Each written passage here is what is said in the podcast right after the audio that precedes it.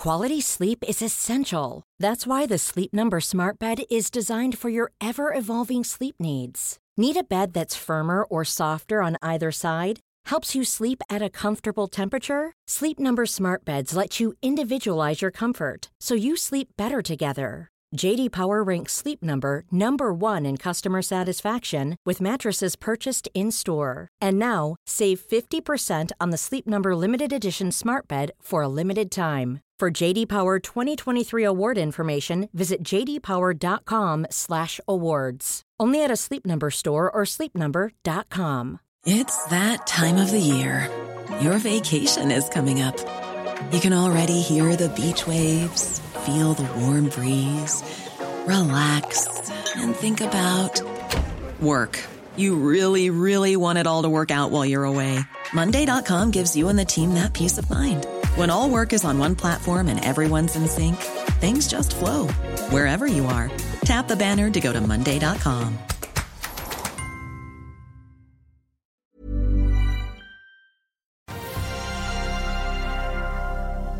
Renten skal opp, og oljeprisen fortsetter ned. Det er 4. mai, og dette er Børsmorgen.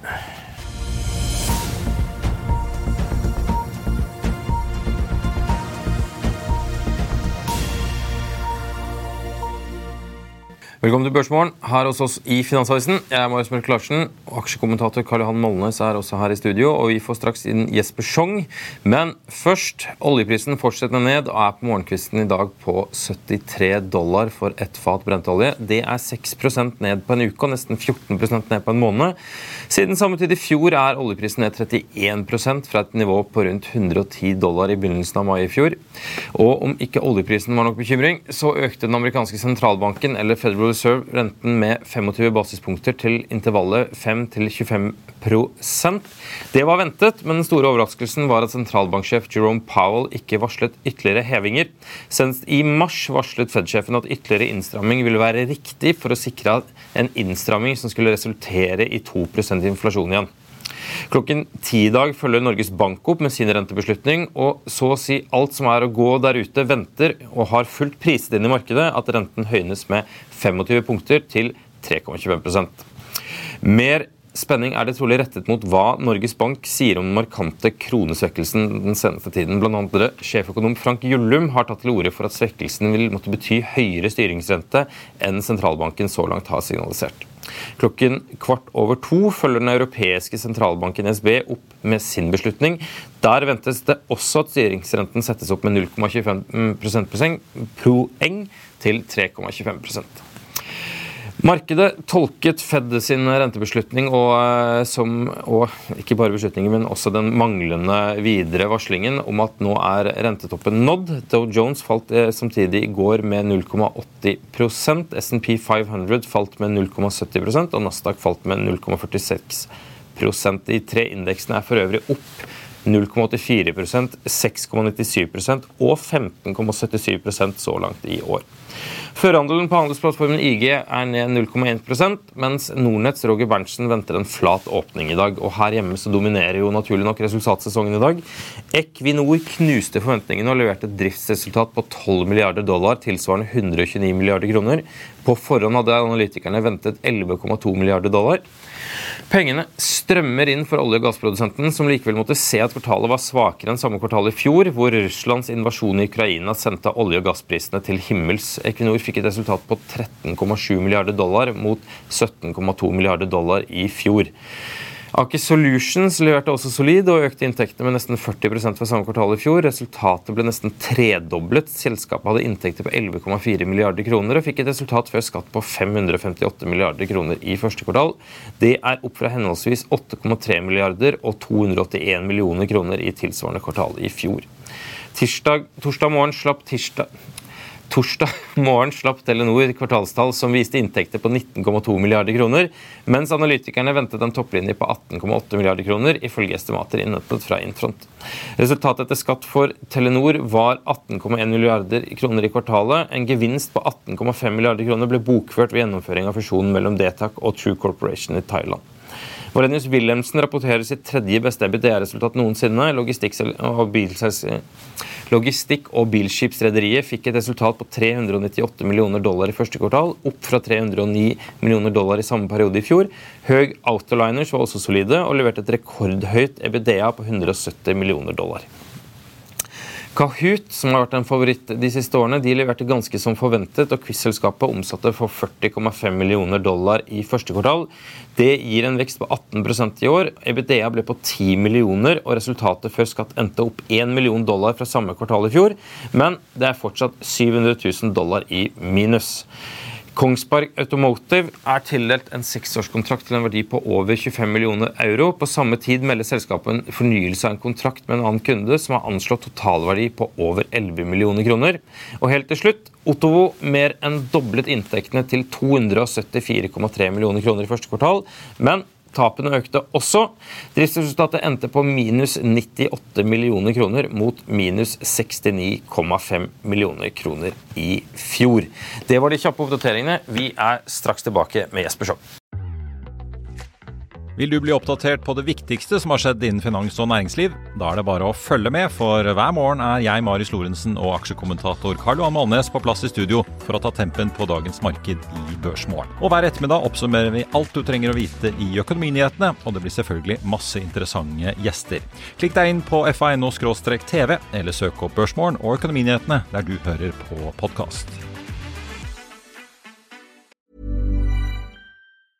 Quality sleep is essential. That's why the Sleep Number Smart Bed is designed for your ever evolving sleep needs. Need a bed that's firmer or softer on either side? Helps you sleep at a comfortable temperature? Sleep Number Smart Beds let you individualize your comfort so you sleep better together. JD Power ranks Sleep Number number 1 in customer satisfaction with mattresses purchased in-store. And now, save 50% on the Sleep Number limited edition Smart Bed for a limited time. For JD Power 2023 award information, visit jdpower.com/awards. Only at a Sleep Number store or sleepnumber.com.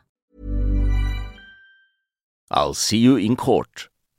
Vi sier det ofte litt på spøk, men for deg som driver business, er det aldri moro å innse at du ikke har laget en 100% gyldig kontrakt. Du bør ikke risikere hele firmaet ditt fordi du synes dette med kontrakter er litt stress. En avtale er ikke en avtale. Du kan miste kunder, miste venner, ja, til og med miste inntekter om du ikke lager en skikkelig kontrakt, på alt mulig, egentlig. Men vi vet det er et styr, kopimaskiner, tregprinter og haugevis av papir. Dessuten stoler vi jo på folk her i landet. Det er ofte litt kleint å skulle be om en signatur for alt mulig, ja, for mye av styret handler også om jakten på underskriften. Det finnes en enkel måte å løse dette på, Dukkobit. En trygg, effektiv og get this, gratis måte å sikre seg en god natts søvn pluss en juridisk bindende avtale. Dukkobit-appen har de strengeste sikkerhetskrav i bunn, samt en EU-godkjent og sertifisert teknologi. Framover vil det bli behagelig å spørre du, skal vi skrive under på det, eller? Kom i gang på dokobit.no.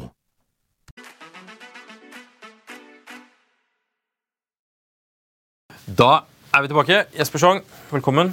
Takk for det. Du, Nordsjø. Det der, eh, vi begynner med Nordsjø, Nordsjø og uh, Supply, gjør vi ikke det? Der er det jo ganske sterkt for tiden. Det syns jeg absolutt vi kan. Altså, Det vi ser, er jo ganske meldt, egentlig. Det som vi forventa. At På norsk sokkel så ser vi at det er totalt utsolgt for PSV. Eh, stramheten i markedet er jo som nevnt varsla. Vi så at eh, tilgjengeligheten på tonnasje var på kraftig vei nedover allerede tidligere i år. Og det kulminerer nå allerede i en slags sommersesong eller sommerfenomen der du har utsolgt norsk eh, PSV-flåte. Og det forventer vi at vil vare i hvert fall inneværende måned, og kanskje egentlig vi har, eller trolig så har vi allerede begynt sommersesongen. Så utsolgt norsk marked. Hvor lenge var det den sommersesongen? Det er jo typisk eh, fra april til september, eh, gjerne litt utover. Og da er det pga. værfenomen eller eh, mangelen på det, så, så har man da planlagt de, de, det meste av vedlikeholdskampanjene sine, det meste av borekampanjene sine, for å få mest mulig oppetid. da. Så Det er da det skjer absolutt mest. Til gjengjeld så planlegges nettopp da kampanjene, og det gjør jo at du får veldig mye av den slutningsaktiviteten tidligere i år for for, eh, gjennom sesongen. Så helt utsolgt. Og alternativet for uh, skal du ha norsk PSV i dag, det er enten ankerhåndtering, eller så er det et noe åpnere marked på UK-side. Men det er klart med en preferanse for uh, norsktalende mannskap, så er det absolutt ikke førstevalget. Mm. Hvordan ser det da, altså 2023 er jo som du sier sterkt, men hvordan er det målt mot tidligere sterke år? Hvordan, hvor sterkt blir det her?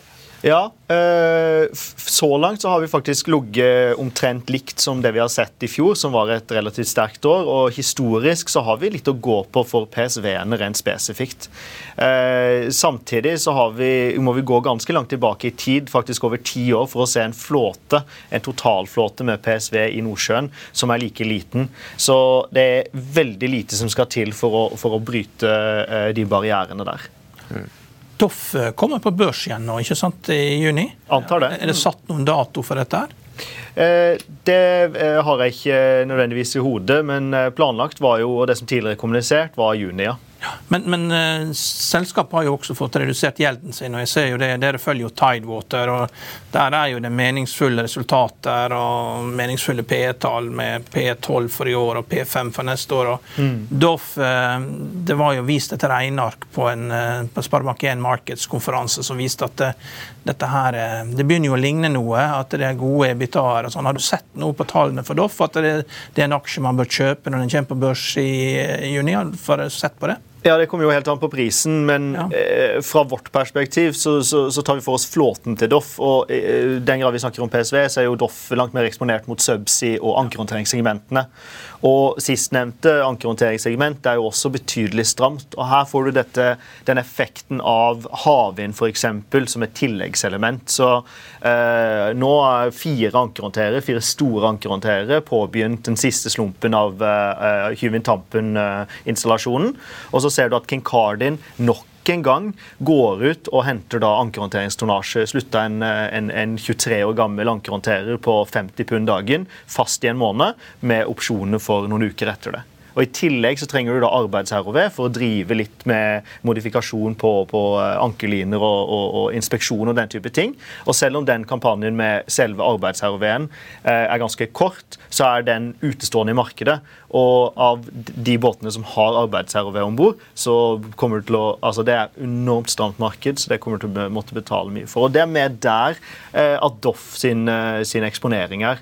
Så det du spør om egentlig er at eh, hva, hva, er oppsiden på, på Doff-aksjen, så må man egentlig se mer på hva forventer vi av subs i markedet, og hvordan går det egentlig med ankerhåndtering, mer enn eh, PSV. For PSV er veldig lite volatilt, egentlig, selv i stramme markeder. Ja, men Kommer Doff til å gjøre en emisjon i forbindelse med reintroduksjon, eller bare, blir de bare notert eh, der det blir noen meglere som stiller pris? Vet du noe om det? Har dere sett noe på det? Nei, det er ikke mitt bord, egentlig. Nei. Eh, så hvordan de ønsker å organisere den eh, børsnoteringen, det vet jeg ikke. Nei. Tilbake til Nordsjøen. Det er jo færre rigger her nå enn det var før. men Hvordan er, ser supply action ut, ut da i forhold til tidligere markeder?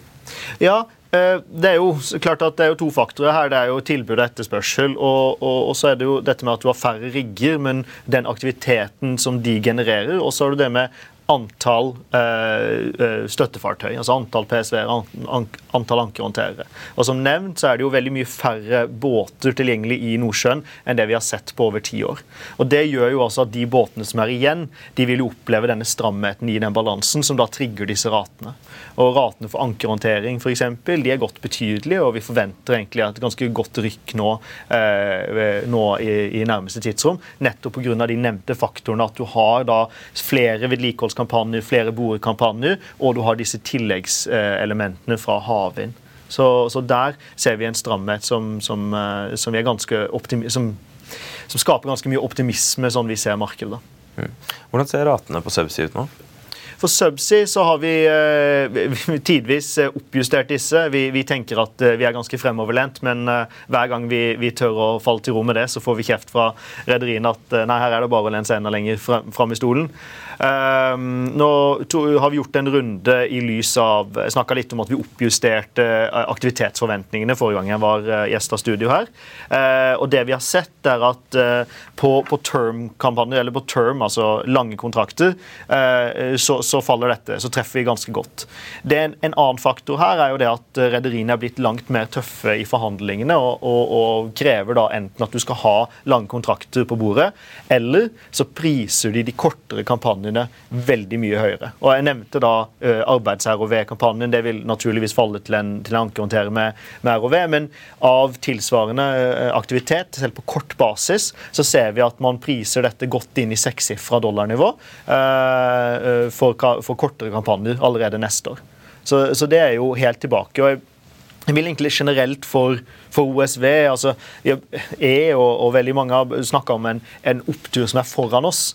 At vi skal inn i bedre tider osv. Jeg vil egentlig ta så børste litt støv av den og si at vi er nå i den oppturen. Vi er påbegynt den oppturen, øh, og, og, den forventer vi videre opp øh, fremover. Men jeg vil slutte å snakke om at den er foran oss. Jeg vil, jeg vil nå øh, ta bladet fra munnen og si det at nå er vi i denne oppturen, i denne oppsyklusen som vi har om. Men Hvis vi ser på estimatene til Subsea 7, så ser det ut som at eh, resultatene skal firedoble seg eh, til neste år. Mm. Eh, hvor stor rateoppgang er det egentlig som ligger fra i år til neste år i, i, marked, i markedsforventningene?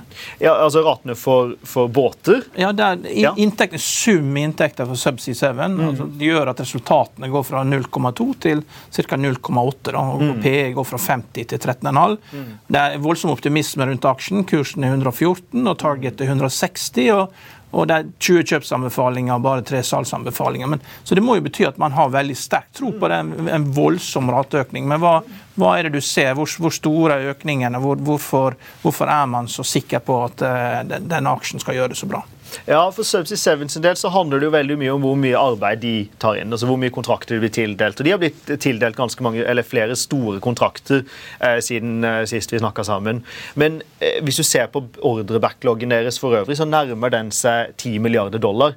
Og Det er en ny all time high for selskapet. Så det handler jo om at de har foran seg veldig mye mer arbeid enn det de har sett tidligere. Og så handler det om hvor effektivt de kan da utføre dette. De har lansert kampanje, nei, uh, allianser, de har samarbeid samarbeidsavtaler som gjør at de kan ta veldig stor del av det integrerte markedet, f.eks.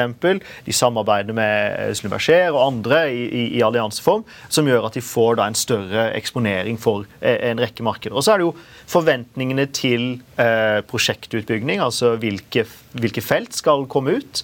Um, du ser ja, senest eh, Ekofisk, som er i gang med konstruksjonen nå, at vi skal eh, åpne opp eh, felt som man for lengst trodde at skulle, skulle, legges ned. Man, man installerer da infrastruktur på havbunnen, og så knytter det opp mot eksisterende konvensjonell infrastruktur. Og, og det gjør f.eks. at Ekofisk da kan produsere fram til 2048. Så, så, det gjør jo at uh, selskaper sånn som Subsea 7, som nettopp uh, tilbyr den type tjenester og den type konstruksjonspakker, da har veldig mye mer å gjøre nå framover. Og alle de puddene som vi så i desember, f.eks., så er det veldig mye som, skal, som, som ligger på havbunnen. Aker BP, Equinor lanserer veldig mye av sine, og det, det er jo en effektiv måte å gjøre det på, både utslippsmessig, men ikke minst kostnadsmessig. Og, slippe å legge nye rør for eksport, og slippe å bygge nye plattformer for produksjon osv. At du rett og slett setter brønnhoder og alt mulig på havbunnen.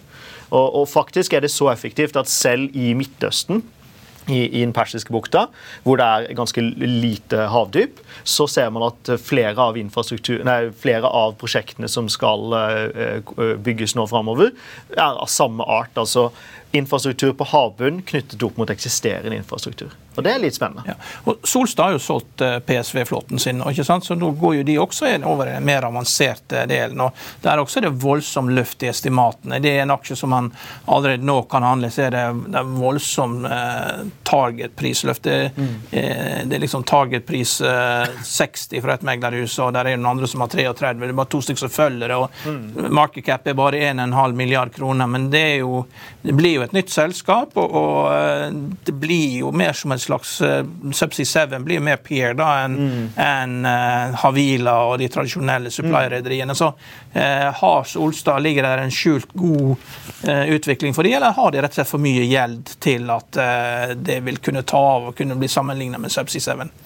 Nei, altså Ja, det er jo sammenlignet med Sub 7 kom på hvilke perspektiv. Hvis du snakker verdisetting og sånn, så, så, er jo det en ting. Altså, Det de har gjort, og det var vi litt innom, at de, de har nå retta fokus på flåten sin inn mot segmenter som har større potensiell oppeside. Eller opp, upside. Um, så, og, og, du spurte, jeg svarte ikke helt på spørsmålet ditt, at hvor høyt kan ratene for f.eks. subsea-skip gå? Og Sammenligna med eh, snittratene vi hadde for 22, opp mot eh, peak-raten som vi forventer eh, treffer markedet i 26, så ser vi over en dobling i den type subsea asset som Solstad sitter med. Så Det er ganske voldsomt. fordi de ratene har ikke i nærheten av gått så langt ned som de gjorde i f.eks. supply-segmentene. Og de er ikke så volatile som de supply-segmentene er. da. Så du går fra et allerede relativt sett høyere nivå og videre opp. Så det er, ganske, det er ganske, optimistisk. Og så har du den volatiliteten for ankerhåndtererne som Solstad også nå er eksponert for. Den er jo særs spennende, for du ser nå at båtene typisk slutter inn på 30-40-50 pund dagen allerede i Nordsjøen. Og gjennom sommersesongen så ser vi, har vi måneder hvor vi snitter 100-120 pund. Det ser vi som ikke urealistisk. Så, så det er ganske stor oppside. Det, du var inne på det i stad, for du har ikke sett, eh, sett et så sterkt uh, marked egentlig på, på ti år nå. Uh, og det er jo ironisk, fordi for ni år siden så lå jo alle disse skipene i opplag rundt mm. langs vestlandskysten. Mm. Hvordan unngår vi at Eller unngår vi? Uh, hva skjer med, med, på kontraheringssiden nå? stort sett er det veldig stille. Og stille i, i, um, i, metaforisk forstand, men også rent i fysisk stand. På de europeiske verftene så, så, er det eh, med veldig få unntak kun havvindsskip som, som bygges. Det er jo CSOV-er, SOV-er, eh, installasjonsfartøyer, crew transfer vessels, altså den type, som i all hovedsak opp mot havvind. Men Eh, det som faktisk er litt interessant, det er jo da at eh, man, man har snakka om denne opplagsflåten som i lang tid skal da betjene markedet i Midtøsten, som jeg om, som blir et av de mest aktive markedene og kommer til å ta noe største antallet fartøy eh, framover. Det vi nå har sett, er at man, eh, man faktisk Aktørene i, i sistnevnte region faktisk har gått til asiatiske verft og begynt å bestille båter igjen. Så det er helt, helt sånn spesifikt opp mot de behovene som de har lokalt. Men da slipper de da, og de har sett at uh, annenhåndstransaksjonsverdiene uh, for en del av det, de båtene som ligger tilgjengelig, og i hvor stor grad de tilgjengelige båtene faktisk er kommersielt aktive eller kommersielt interessante, uh, den har truffet et krysningspunkt nå, hvor du da er faktisk tjent med å bygge nytt. Eh, så, så da har du faktisk sett at eh, det kommer ankerhåndtere, PSV-er, mindre sånne fast supply vessels, som da kontraheres for operasjon direkte i Midtøsten. Mm. Hvordan er prisen disse skipene?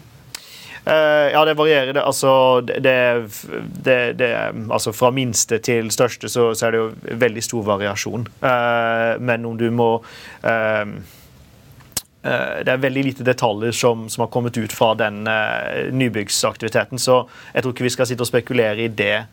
Men en ankerhåndterer av den type vi, de bruker i den regionen, kan, kan, kan, fort koste deg en 30-40 millioner. Mm. I, i det, det, blir jo da øverste segment i den regionen. Du er også inne på det, fordi hvis man skal sammenligne med hvordan ting var for ti år siden Det er jo et element her som ingen snakket om for ti år siden, og det er jo havvind.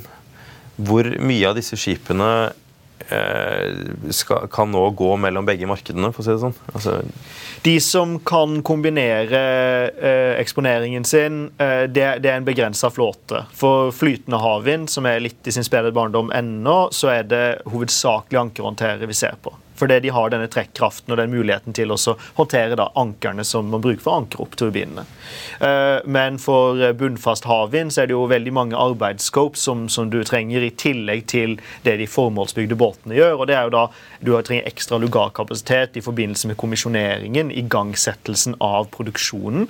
Eh, du trenger da kabellegging, inspeksjon av alt av infrastruktur. Du trenger en del sånne eh, kall det støttefunksjoner. Og der har da Subsea-flåten, som har uh, relativt store dekk, så du kan ha med deg mye last på der. Du har relativt stor eh, boligkapasitet, så du kan ha med deg disse teknikerne. Båtene i seg selv er relativt store, og dermed så har de en stabilitet som arbeidsplattform som gjør at du kan sikre eh, oppetid Et, ting som kommer inn her, er jo det at disse teknikerne er jo ikke sjøfolk. De er jo eh, for et sikkerhetsperspektiv eh, cruisepassasjerer å regne. Og da blir de fortere sjøsjuke enn sjøfolk.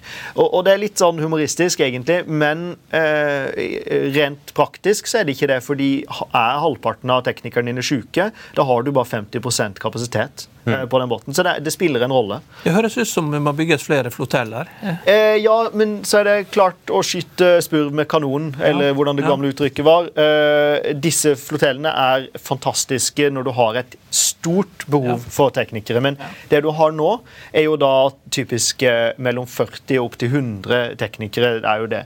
Eh, så har du noen konsepter, eller massen av nybyggskontraheringen der fokuserer jo på størrelse. Når du øker størrelsen, dimensjonen på båten, da får du uh, muligheten til å øke lugarkapasiteten, men du får også økt stabilitet. Og så er det noen alternativer, sånn som eh, Vind f.eks. nede i Nederland, eller det norske GC Riber sitt Windkeeper, eh, som et veldig interessant eh, Vi ville kalt det en katamaran på norsk, men et swath-design. Altså to eh, kjøler til, til, sammenligning fra ett monohull. Da.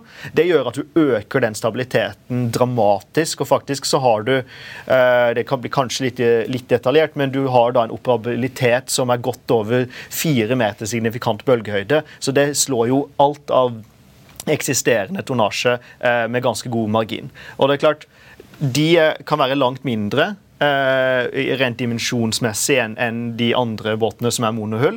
Og det gjør jo at du kan bygge på en, en, en billigere båt, egentlig. Og, og spørsmålet i en, i en bransje som, um, som, som, er stadig higer etter effektivisering, og det er et marginspill. Spørsmålet man må da stille seg, er løsningen å gå for stadig større skip? Eller fins det andre måter å øke effektiviteten på? Og Det er det spørsmålet som Riber har stilt seg, og, og, og kommer fram til da Wingkeeper som konsept, som jeg personlig finner ganske interessant. Ser du noen skyer på himmelen her? Det er veldig mye gode nyheter, men eh, er det noe som bekymrer deg? Ja, Hadde du spurt meg for, eh, for, en, eh, for, noen uker siden, så hadde jeg jo sagt dette med at eh, i, i havvindsmarkedet f.eks. så er det voldsomme ambisjoner både på nasjonalt plan, men også fra de aktørene som er størst i, i bransjen. Men det vi har sett egentlig i det siste, og en av de største trendene, er jo at du, vi opplever i stor grad at du har gått fra ord til handling.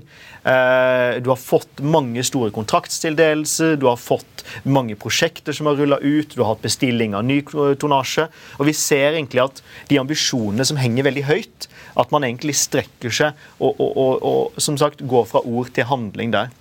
Det er veldig optimistisk, og det, det, er veldig, det, det, er veldig, betryggende. Men det er klart at kostnader, det å ha kostnadsdisiplin i det her, blir jo avgjørende. Um, og, og, en utfordring ikke sant, at du, du, du slutter ut båten din i en, en nybyggstender uh, for en lang kontrakt, og så har du visse forutsetninger. Hva du faktisk får henta inn kapitalen for å bygge for, den båten for, hva kostnaden blir underveis, og hva kostnaden for verftet blir underveis, sammenlignet med det originale estimatet det er jo eh, sant, det er der den type kostnadsdisiplin kommer inn. Så, så jeg er litt sånn Jeg er ikke engstelig, men jeg ser jo at det kan være en, en plass hvor du må ha fokus framover. Mm. Så for å oppsummere litt, så er det Supply som er den uh, som leder an nå? Supply er et kjempe, kjempegøy segment å være i dag. Det er gøy å gå på jobb. Eh, ikke at det ikke har vært gøy før, men det er langt gøyere nå. Fordi eh, Altså, ja. Eh, oppsummering. Altså, vi er ikke lenger Vi har ikke oppturen foran oss. Vi er i den oppturen på vei opp. Jesper Schjong, tusen takk for at du kom til oss. Takk. Du, Før vi skal snakke litt eh, om hva som har skjedd eh, i verden og med oljen, så skal jeg bare skyte inn kjapt her at det er en relativt rød eh, børsdag for de eh, selskapene som har levert tall. Kahoot er ned 7 eh, Høg er ned 3% Equinor er opp 2,7% Telenor er ned 2,7% og Alt blekner i forhold til Valenius Wilhelmsen, som er nå sendt ned 13% etter at de uh, skuffet i forhold til konsensus. Så uh, det kan bli en, uh, en spennende dag. Ja. Du, vi Nå har vi hørt Jerome Powell si at ikke det er noen krise, og Jamie Dimon sier at krisen er over, men er det ikke noe bankkrise likevel? Det er ikke krise for systemet og det er ikke krise for de største bankene, men det er krise for de små bankene, for de har vært dårlig styrt. Så Det er jo bare å se på kursutviklinga. Det er en rekke banker som falt med 30 i går, og noen falt med 60 også, aksjekursene. Det er mye for bankaksjer. bankaksjer skal være veldig stabile. Så her er det kø etter å bli overtatt, rett og slett. Det, og da, dersom det er en viss interesse, så, så vil man jo da få andre banker til å ta over hvis det er interesse. Men hvis ikke så tar jo bare eh, sikringsfondet over banken, rett og slett. Og det, og det, har vi jo sett med Signature Bank, at de, de, sitter jo fortsatt med store deler av Signature Bank. Det er bare litt de har klart å selge. Så det er ikke sånn at alle bankene må finne en kjøper. Det er jo bare hvis det er en viss interesse for det, og at det kan skape stor uro hvis det, det ikke blir tatt over. Men Blir ikke det her bare en litt sånn selvoppfyllende profeti, da, med at du sier at eh, altså, Hvis jeg satt med en liten bank nå, så ville jeg tenkt at enten så må jeg Altså, det, dette blir jo kjøpt opp. Hvis du er, hvis du er sentralbanksjef så, eh, og du skal ha en inflasjon til 2% den letteste måten du klarer å få gjort det på, er å skape en nedgangskonjunktur. Og eh, Så er spørsmålet hvordan du skal klare å gjøre det. Men eh, dess raskere de gjør det, dess bedre er det for alle. Og da, da er det dessverre sånn at eh, det er noen som, noen som ender opp med svarteper. Og sånn som det ser ut nå, så er det eierne av alle regionbanker de ser ut til å tape all egenkapitalen sin. Og Det er jo litt i tråd med liksom at USA har blitt tidligere beskyldt for at man man beskyttet aksjonærene i en del banker, og at da egentlig skulle langt flere gått konkurs. da. Eh, du skulle hatt en sånn opprør à la det Gro gjorde i Norge, at du, du, du, nuller omtrent aksjekapitalen i alle bankene. Eh, eh, men her, her er det sånn at det er småbankene som blir aksjekapitalen borte, og, og, da kan man liksom si at jo, de tapte pengene sine, og de mistet jobbene sine, disse lederne. Så det er en viss rettferdighet i dette her. da. Og der er 4000 små banker. Og eh, jeg har jo skrevet litt om eh, JP Morgan, for jeg har jo fulgt dette her. at JP Morgan har jo gått liksom fra å være dominerende for 100 år siden og liksom klart å komme seg opp igjen til å da blir den desidert største banken og også det største meglerhuset. Når du da er den eneste banken du går til. Når en så stor bank som First uh, Republic skal, uh, skal selges, og den eneste som byr, så er det også fordi at det er den eneste sterke banken. og, og uh, store, sterke banken. Og, og, det er fordi at de har struktur, de har systemer, og de kan lett integrere alle. og ja, så, så, jeg tror det man må bare ha et åpent sinn til dette her. og det gjelder jo da at eh, man skaper et sjokk som, med minst mulig skade da, for resten av økonomien, som gjør at det du får kutta forbruket. og, og, og, det er klart at når, når, du får sjokk i banksektoren, så det går jo utover forbruket på IT-spending. altså Hvis du går på noe sånt som cloud da, eh, eh, Årsaken til at Amazon falt, var opp med 14% og bare falt med 2 det er jo at eh, AVS, da, som tidligere hadde 40% vekst, guider nå for bare svakt 10-11 vekst vekst. da, Svakt, eh, eh, svakt eh, double digit growth. Og da er det en helt vanlig sektor. og, og og du skal til med oppsigelser, så slutter man å reise på konferanser, og da får du en nedgangskonjunktur. Den amerikanske stat har ikke råd til å ha 5% rente veldig lenge. Så også for staten så er det viktig at man får dette ned så raskt som mulig. Det er et gjeldstak de skal løfte, og, og, og da gjelder det liksom og, Dette er jo politikk, ikke sant? Det er jo ikke nødvendigvis sånn at du må det er den som snakker mest tydelig, som er den beste politikeren. Det er tvert imot. Dess mer utydelig du snakker, dess lenger kan du overleve i politikken. og eh, Dette er jo politikk. Eh, og det kommer til å bli noe annet stort som går i stykker her. og Jeg vet bare ikke hva det er for noe. Det er ikke min jobb å prøve å spekulere og skape frykt, men noe stort må sjokkere oss. Og det vil da stramme inn, eh, gjøre at etterspørselen eh, faller ytterligere. Og da stuper vekst, da stuper inflasjon, da stuper børsen, så stuper oljeprisen, og da går alt ned. Og så ligger vi hjemme i fosterstilling hjemme og lurer på hvorfor vi ikke solgte aksjene våre. Ja, kjøre bussen i autovernet for å få den til å stoppe, med andre ord. Ja. Eh, fordi Nå er du inne på det. Oljeprisen den er jo eh, den er ned, for å si det sånn. Ja, den er ned. Og, og det var også ganske kraftig fall i eh, natt i Asia mens, eh, mens vi sov. Og, men det er jo tydelig at det plunge protection-teamet i nære at det er noen som prøver å holde ting på, litt på plass, da, sånn at man ikke får for store fall. Men det er klart det USA trenger ikke importere så mye olje, og Kina trenger ikke importere så mye heller. og Saudi-Arabia mm, mm det, er liksom, det, det liksom, det fins alternativer da, eh, til olje. Det er, det er kanskje en million ekstra fat med olje ute der som flyter pga. krigen. Så det er mer fleksibilitet i systemet. Og Jeg har alltid syntes det har vært veldig rart at alle har vært så utrolig bullish på oljeprisen. Jeg har sagt hele tida nå at så lenge du er på vei inn i en nedgangskonjunktur, så overstyrer det alt. Det er dessverre sånn. Mm. Hvilke nivåer kan vi se? Det vet jeg ikke. Nei, for nå er vi jo på, Det var 110 for et år siden. Det var nesten 90 for tre uker siden, og nå er vi rett over 70. Så det er klart at ting skjer jo her. Det var vel over 110, ja. Det var vel over 120 også. Ja. Så, så, Nei, så det er uh, Så det Men det er sånn er livet å være oljeanalytiker. Noen med profesjonelle optimister hele tiden. og og uh, kan ikke tenke seg noe annet enn at oljeprisen skal til 150 dollar fatet en eller annen gang, og det skal den sikkert, men det er ikke uvesentlig hvor den skal i mellomtida. Jeg leste for øvrig, apropos eh, ikke akkurat direkte oljeprisen, men bensin- og dieselprisen, så har du, har du hørt om eh, rakett- og fjær-teorien? Ja. For den er ganske festlig. Når ja. oljeprisen skyter opp, så skyter bensinprisen ja. opp som ja. en rakett. Og når den går ned, så daler, det, daler den etter som en fjær. For da ser eh, bensinstasjoneierne en mulighet til å tjene på at folk eh, sjekker mellom stasjonene og ikke hva oljeprisen er. Så det er jo en ganske festlig teori.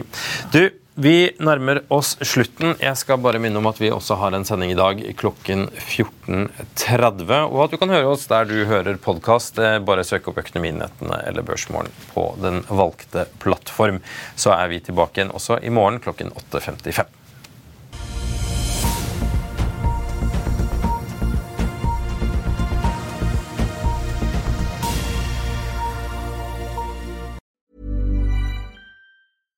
Selling a little or a lot?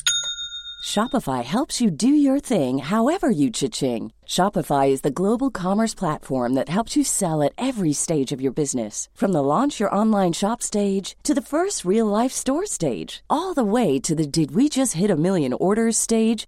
Shopify is there to help you grow. Shopify helps you turn browsers into buyers with the internet's best converting checkout. 36% better on average compared to other leading commerce platforms because businesses that grow grow with Shopify. Get a $1 per month trial period at shopify.com/work. shopify.com/work. Even on a budget, quality is non-negotiable. That's why Quince is the place to score high-end essentials at 50 to 80% less than similar brands. Get your hands on buttery soft cashmere sweaters from just 60 bucks, Italian leather jackets, and so much more. And the best part about Quince, they exclusively partner with factories committed to safe, ethical and responsible manufacturing. Elevate your style without the elevated price tag with Quince. Go to quince.com/upgrade for free shipping and 365-day returns. This is the story of the one. As a maintenance engineer, he hears things differently. To the untrained ear, everything on his shop floor might sound fine, but he can hear gears grinding or a belt slipping. So he steps in to fix the problem at hand before it gets out of hand. And he knows Granger's got the right product he needs to get the job done, which is music to his ears. Call, clickgranger.com or just stop by. Granger, for the ones who get it done. Økonominyhetene er en podkast fra Finansavisen. Programledere er Marius Lorentzen, Stein Ove Haugen og Benedikte Storm Bamvik. Produsenter er Lars Brenden Skram og Bashar Johar. Og ansvarlig redaktør er Trygve Hegnar.